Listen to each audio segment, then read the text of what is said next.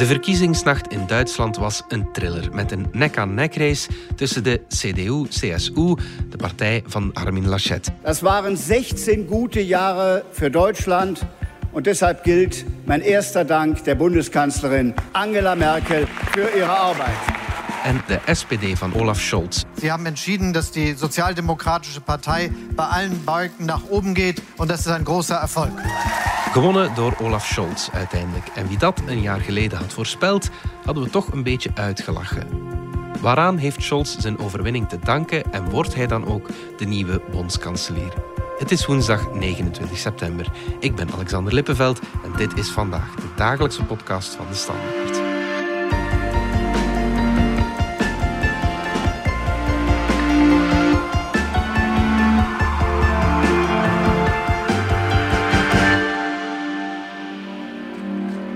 Corrie Hanke, onze correspondente in Duitsland. Het is niet gelogen, hè? het was een spannende verkiezingsnacht. Uh, het was uh, bijzonder spannend. Het kiesysteem is hier heel ingewikkeld. Dus de procenten die binnenliepen hoefden in het begin helemaal niet overeen te stemmen met de zetelverdeling. Dus op zeker moment was het zelfs zo mhm. dat uh, de Christen-Democraten in procenten voorlagen, maar in zetels achter. Dus het was ja, spannend.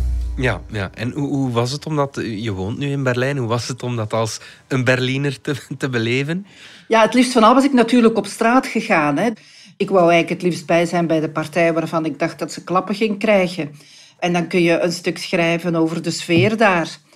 Mhm. Maar alle accreditaties waren al lang afgesloten en door corona had men ook uh, veel minder plaatsen gemaakt voor journalisten. Dus ik kon nergens ter plekke gaan. En toen bleek dat er hier in de buurt in een café een groot scherm stond waar iedereen ging kijken. En dan heb ik nog even getwijfeld, zou ik naar daar gaan? Maar digitalisering is hier een, eh, een heel groot probleem. En in gewone taal wil dat zeggen dat er heel veel plekken zijn waar je geen internet hebt. Ja. Dus ik vond het een beetje te riskant om uh, dan uiteindelijk toch mijn veilige haven van thuis te verlaten. Ja. Om, met het risico dat ik geen internet zou hebben. En hier heb ik dus eigenlijk van vijf uur tot uh, ver na middernacht... Ik had mijn, mijn klein mobiel bureautje in de woonkamer gezet... En mijn, uh, mijn wederhelft is met soep en brood. Ondertussen um, heeft hij kunnen zorgen dat ik uh, gevoed werd tijdens deze lange marathon. Corrie, we komen zo dadelijk bij je terug, maar ik wil tussendoor wat vertellen over het podcastfestival van de Standaard in het Cursaal van Oostende. Blokkeer alvast vrijdag 3 en zaterdag 4 december in je agenda, want we willen je er heel graag bij. Het wordt een tweedaags feest met het beste van wat podcast te bieden heeft. We hebben een internationaal en verrassend programma van talks en luistersessies, gecureerd door de redactie van de Standaard in samenwerking met de stad Oostende. Het volledige programma dat wordt bekendgemaakt op 22 oktober. Maar dit zijn alvast de eerste namen. Brian Reed komt langs en dat is de maker van het roemruchte S-Town en het minstens even legendarische This American Life. Ook Alex Agnew en Andries Becker zullen er zijn en ze blikken een speciale aflevering in van hun populaire podcast Welcome to the AA. En de Nederlandse documentairemaker Annegriet Wietsma die blikt terug op haar druk besproken podcast De Deventer Mediazaak. Tickets kopen dat doe je via www.dspodcastfestival.be. Ik hoop je daar te zien. Nu terug naar Duitsland, Corrie. Na de eerste exit polls claimden Olaf Scholz van de SPD en Armin Laschet van de CDU-CSU, de Union, beiden dat ze bondskanselier moeten worden. Maar Scholz lijkt mij toch de beste papieren te hebben, hè? of zie ik dat verkeerd? De Sociaaldemocraten hebben de meeste zetels behaald in het parlement. Mhm. En dus normalerwijs uh, zou hij aan coalitiegesprekken moeten beginnen. Maar een coalitie met twee, dat is heel nipt mogelijk. Dat zou dan een coalitie met de Union moeten worden, maar dat wil Scholz niet en dat wil Laschet niet. Dat is wat het de voorbije jaren ook geweest is. Hè? Een coalitie tussen de Christendemocratische Union en de socialistische SPD. Ja, dat is inderdaad wat het de voorbije jaren geweest is. Het is overduidelijk dat de twee leiders van die grote partijen dat niet willen en hun achterban ook niet. Dus er moet gezocht worden naar een, naar een alternatieve coalitie. En dan moeten het gesprekken op drie worden met drie partijen. En ehm, mhm. dat gebeurt nu. En wie zijn die, die andere partijen dan? Ja, het zit zo. Het is, het is eigenlijk heel bizar. De liberalen, die traditioneel toch staan voor een, een maatschappijmodel waar de overheid niet zo'n belangrijke rol speelt en eigenlijk de werking van de vrije markt wordt gezien als de motor van de economie en de welvaart. Mhm. Die moeten in zee gaan met de groenen. En de groenen die staan veel meer voor staatsinterventie. Die willen de kloof tussen arm en rijk verkleinen. Die willen uh, het belastingssysteem hervormen. Dus het zijn eigenlijk nu twee kleinere partijen met een tegengestelde visie op hoe een samenleving moet draaien. Die samen moeten werken, omdat als zij samenwerken kunnen zij met twee voldoende zetels leveren, zodat of de Union of de SPD met hen een regering gaat vormen. Ja. Dus het is heel raar. Eerst moet de moster tussen die twee pakken vooraleer uh, er een, een, een regering kan gevormd worden. Ja. En wat zijn de raakpunten tussen die twee kingmakers, om het zo te zeggen? Om het in het Duits te zeggen, aufbroeg. Aufbroeg is een woord dat hier uh, bij de campagne heel vaak gebruikt werd. Vooral door Annalene Baerbock, het, uh, het boegbeeld van de Groenen. Diesmal hat es nog niet gereicht, aber wir haben einen Auftrag für die Zukunft. Zij wil echt een radicale omwenteling en zij vertaalde dat dan altijd een radicale groene omwenteling. Zij had een sofort, een nu onmiddellijk programma hadden de Groenen. Maar het woord aufbroeg gebruikt de voorzitter van de Liberalen, Christian Lindner, gebruikt dat ook wel. En sinds gisteren eigenlijk meer dan tevoren. Hij vindt ook dat er een radicale omwenteling in het land moet gebeuren. Maar hij ziet dat dan natuurlijk meer in een hogere versnelling voor het bedrijfsleven, dat zij meer mogelijkheden krijgen om te schakelen naar groene technologieën. Hij wil dat er heel veel werk wordt gemaakt van digitalisering. Dus hij vindt ook, er moet aan de boom geschud worden en we moeten vooruit gaan. En dus dat idee van een breuk en een nieuwe wind te laten waaien, dat is een idee dat bij hen twee heel sterk speelt. En dus dat verbindt hen. Wat hen ook verbindt, is de idee dat de klimaatverandering echt wel een probleem is en dat ze aangepakt moet worden. Lindners uitgangspunt, dus de liberaal zijn uitgangspunt, is een beetje Duitsland moet opnieuw een wirtschaftswunder worden, maar dan op het gebied van groene technologie. Wij moeten in de wereld tonen dat onze bedrijven de beste zijn op het gebied van groene technologie en op het gebied van klimaatneutraal produceren. Mhm. Uh, de Groenen die willen veel meer aan het hele maatschappijmodel veranderen om een groene samenleving te krijgen, terwijl Lindner zegt laat de industrie doen en we komen er ook wel. Maar, maar het feit dat groen worden een heel belangrijk idee is voor hen beiden, dat, dat is duidelijk. Je spreekt van een omwenteling. Is dat ja, waar de bevolking ook naar snakt? Ik vind dat een moeilijke. Ik lees overal hm. dat, uh, dat de Duitsers vrij conservatief zijn en niet van verandering houden. En dat bijvoorbeeld Merkel dat perfect beseft heeft. En Scholz beseft dat ook. Dus mhm. Scholz is eigenlijk de campagne ingegaan met zo weinig mogelijk breuk met Merkel te tonen. En zijn campagneteam, dat was een paar dagen geleden hier op televisie, die zeiden dat ook. Uh, wij gaan Merkel kopiëren om uiteindelijk de partij van Merkel te kunnen verslaan. Dus in die zin heeft Scholz mhm. net niet zo erg op die aufbroeg. Ik denk ook niet dat dat een woord is dat hij zou gebruiken, gebruiken omdat dat vrij radicaal is.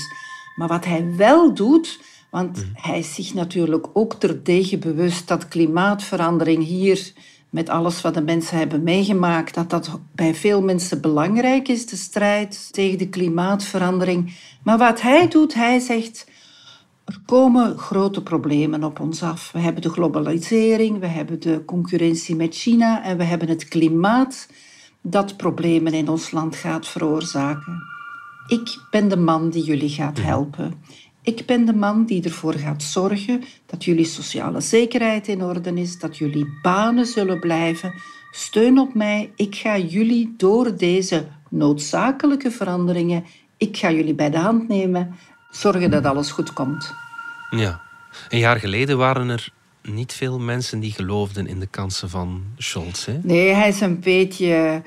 Hij geeft de indruk van een beetje een, eh, een grijze man te zijn. Tegelijkertijd vind ik wel dat hij heel vaak grappige monkellachetjes doet, ook bij interviews en zo. En hij wacht altijd net iets langer als hem een vraag gesteld wordt. En dan komt hij vaak met een antwoord dat half geestig is. Uh, dat doet hij vooral als hij niet wil antwoorden op de vragen. Maar bon, over het algemeen is hij wel een beetje een saaie man. Ik zag hier een uh, reportage van het campagneteam, waarbij de fotografen echt regelmatig moesten zeggen... Kun je nu alsjeblieft voor de grote foto een beetje vriendelijker kijken? Kun je een beetje meer lachen? Want uh, je, je komt toch wel heel stuurs over. Ja. werd hij genoemd vroeger. Hij is een technocraat, hij is heel erg met cijfers bezig, hij is uh, een dossiervreter, hij is helemaal niet flamboyant. Mhm. Dus hij kwam in deze regering als minister van Financiën, ja, bleef hij zo'n beetje toch op het achterplan staan. Maar dan is natuurlijk de grote coronacrisis gekomen waarbij men hier in Duitsland echt uh, beslist heeft om, uh, om het in de woorden van Scholz te zeggen, een bazooka klaar te zetten. Um, om een financiële bazooka, om te zorgen dat de bedrijven en de kleine zelfstandigen uh, deze coronacrisis kunnen overleven, om hen daarbij te helpen. En ook nu hier mhm. bij de overstromingen zei hij gewoon van uh, waar geld nodig is, gaan we geld geven alle problemen die met geld kunnen opgelost worden, daar gaan wij voor zorgen dat die opgelost worden. Dat was een van zijn zinnen. Dus Duitsland dat jarenlang heel erg uh, karig was met geld uitgeven aan mensen omdat ze de begrotingsdiscipline wilden hanteren. Daarvan heeft Scholz nu gezegd, wat nodig is, is nodig, patat. En we geven geld uit. Ja. En ik merk dat um, als ik op straat met mensen praat en ik vraag op wie ging je stemmen of wie heeft je voorkeur, dat heel veel mensen die tevoren niet voor de SPD zouden gestemd hebben, mij die twee argumenten geven. Hij had ons geholpen, hij heeft ons geholpen, hij heeft ons door de crisis gesleurd. Ja, en ik denk dat dat uh, qua beleid maakt dat hij ineens de nummer één geworden is. Ja. En zijn campagne, ik vond ze zelf niet zo mooi. Ik vond dat hij nogal raar op de foto stond. Ja, misschien liggen de Duitsers daar iets minder minder van wakker. Van hoe, hoe flitsend is een campagne als je goed door een crisis geloodst wordt. Ja, dat, dat is toch veel belangrijker. Dat is inderdaad veel belangrijker, dat ben ik met je eens. Tegelijkertijd was er een heel groot percentage dat nog niet wist tijdens de campagne voor wie het ging stemmen. En dan zeggen analisten, dan is de campagne cruciaal.